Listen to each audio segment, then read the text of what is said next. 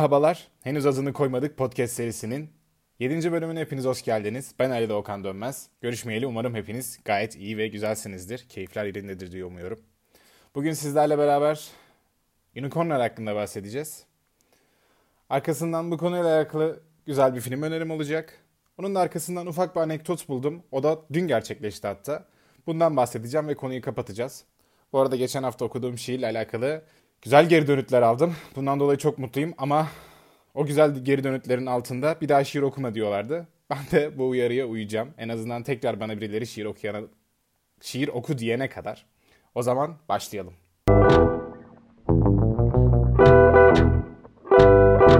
O zaman unicornlardan başlıyoruz.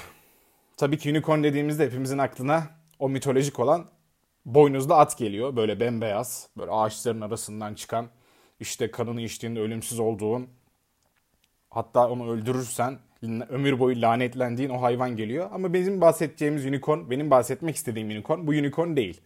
Benim bahsetmek istediğim unicorn değerlemesi 1 milyar dolar ya da üzeri olan girişimlere verilen ad olan unicorn. Bu unicornlardan bahsetmek istiyorum. Geçtiğimiz günlerde Türkiye ikinci bir unicornuna kavuştu. Bu da Getir oldu. İlki Peak Games'ti bildiğimiz üzere. Geçen geçen günlerde evet yanılmıyorsam Getir tekrar bir yatırım alarak 2.6 milyar dolarlık bir unicorn haline geldi. Bunun kurucusu olan Nazım Salur aynı zamanda bir taksinin de kurucusu. E, hatta Getir'i kurmasının hikayesi de şöyle. Bir taksiyle ilgili bir hafta sonu bir veri incelerken şey düşünüyor. Ya ben işte insanlara çok kısa sürede 3 dakika 5 dakika arası herhalde yanılmıyorsam sürede taksi yolluyorum. İnsanların bu kısa sürede tekrar bir şeylere ihtiyacı vardır ve ben bunları onların ayağına nasıl götürebilirim diye düşünürken getiri ortaya çıkarıyor. Böylece getiri kuruluyor. Hatta bir röportajında şöyle söylüyor Nazım Salur. Ee, ben e, şey soruyor e, röportajda işte soruyu soran hani siz getiri olarak ne yapıyorsunuz? Hani ne satıyorsunuz diyor. bir dünya ürünü var biliyorsunuz yani skalası çok geniş binlerce ürün vardır tahminimce. Nazım Salur diyor ki hayır biz ürün satmıyoruz diyor. Biz insanlara zaman satıyoruz diyor. Ya böyle tabii fiyakalı sözler hepimizin hoşuna gider biliyorum. Hani zaman satıyoruz çok e, inanılmaz bir fikir çok hoşuma gitti. Ondan dolayı unicorn olan Getir'den bahsetmek istedim. Bu arada hepinize ufak unicorn'dan diliyorum. Tabii şimdi bu kadar fazla girişim e, startup'tan bahsetmişken bu konuyla alakalı da güzel bir film önerim olacak sizlere. Filmimizin adı The Founder, kurucu olarak Türkiye, Türkçe'ye çevrilmiş. McDonald's'ın ortaya çıkış hikayesinden bahsediyor. Şöyle 1954'te Ray Kroc adlı bir adam gezici bir milk, milkshake makinesi satıcısı. Ethel adında bir kadınla da evli. Kadın çok destekçi bir kadın böyle. Hani sürekli eşini destekleyen bir kadın. Adam yani Ray Kroc böyle sürekli bir şeyleri oldurmaya çalışan ama çok da başarılı olamamış bir adam. Günlerden bir gün McDonald's kardeşlerle e, tanışıyor. McDonald's kardeşler de e, böyle fast food o zamanlar daha bu kadar inanılmaz değilken yani bu kadar büyümemişken bu işi yapan böyle inanılmaz burgerları olan kendilerine göre hızlı bir sistemlerinin olduğu e, ufak bir, bir burgerci gibi düşünün. Sonrasında Ray Kroc burayı görüyor ve inanılmaz bayılıyor yani. Hani o fikre, o hıza, işte kafasında direkt o McDonald's fikri e, o anda aydınlanıyor yani adam Cem Yılmaz'ın tabiriyle. Ondan sonrasında bu adamlardan franchise dileniyor. İşte ilk başta kabul etmiyor McDonald's kardeşler. Çünkü e, şeyden rahatsızlar. E, franchise olduğunda e, kalite düşüyor. Ve bunlar da bizim bir standardımız var diyorlar. Ve bu standardı korumak istiyoruz diyorlar. Hatta daha öncesinde de bunlar franchise deniyorlar ama bir türlü e, o istedikleri seviyede olmuyor ve hatta beceremiyorlar bu işi. Sonrasında gene kendi küçük dükkanlarına giriyorlar.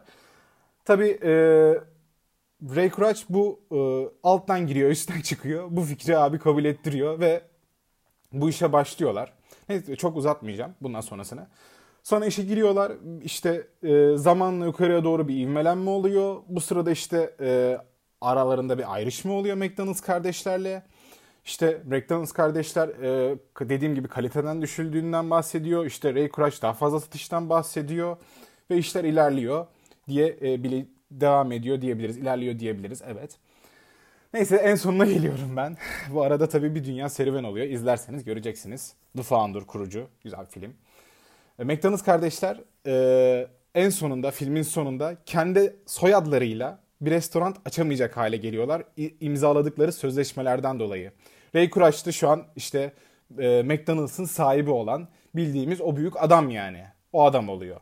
Ha, e, bu sırada eşinden ayrılıyor. Sonunda da film e, 1970'te malikanesinde gerçekleştireceği bir konuşmayla son buluyor. Ama e, burada görmemiz gereken Rey'in ne kadar ısrarlı, iş ahlakında ne kadar geniş olabileceğiyle alakalı. Hani e, bazen böyle e, karanlık dehlizler deriz ya işte e, iş dünyasında insanlar birbirlerinin üstüne basarak yukarı çıkarlar. Ve gerçek bir hikaye ve gerçek hikayenin de öyle sonu mutlu biten gerçek hikayeler değil. Gerçek hikayelerde çünkü sürekli birileri zarar görür yani. Bu da öyle bir film. O yüzden bu filmi çok beğendim. Sizlere de öneriyorum. Kesinlikle kaçırmayın.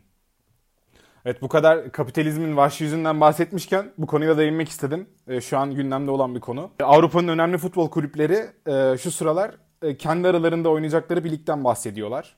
Kendilerinin kuracağı, işte e, büyük takımların bir arada olacağı, paranın dışarıya çıkmadığı bir ligden bahsediyorlar. E, burası çok yani şaşılacak bir durum değil. E, ama bununla ilgili e, bir hocaya soru soruyorlar. Kendisi görece daha küçük bir kulüpte ama teknik ve taktik olarak beğenilen bir hoca, Bielitsa. Ona bu soruyu soruyorlar. O da çok güzel bir laf ediyor. Ben direkt onu okuyacağım. Çok beğendim. Hani bu konuyla da çok bağlantılı olduğunu düşünüyorum. Zenginler daha fazla güç kazandıkça başkalarına göre daha fazla ayrıcalık talep etmeye başlarlar. Şu an dünyada hakim olan düşünce. Fakirin daha fakir olacağını bile bile zenginin daha zengin olmak istemesi. Ama artık bu yaşananlar beni hiç şaşırtmıyor. Evet, Bielitsa'ya da buradan saygılarımı yolluyorum. Tekrar söylüyorum. Umarım beni dinleyen herkesin bir gün bir unicorn'u olur. İki de olabilir. Önemli değil ama muhakkak bir tane olmasını diliyorum.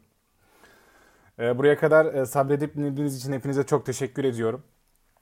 Ee, yavaş yavaş kapatayım diyorum ben ya. Heh.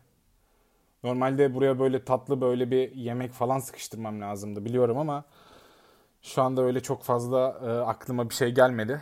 Sonrasında merak ettiğiniz bir tarif varsa bana söyleyin. Ben onu anlatırım. Lezzetli anlatırım. Neyse. O zaman e, tekrar görüşünceye dek kendinize çok iyi bakın. Hoşçakalın.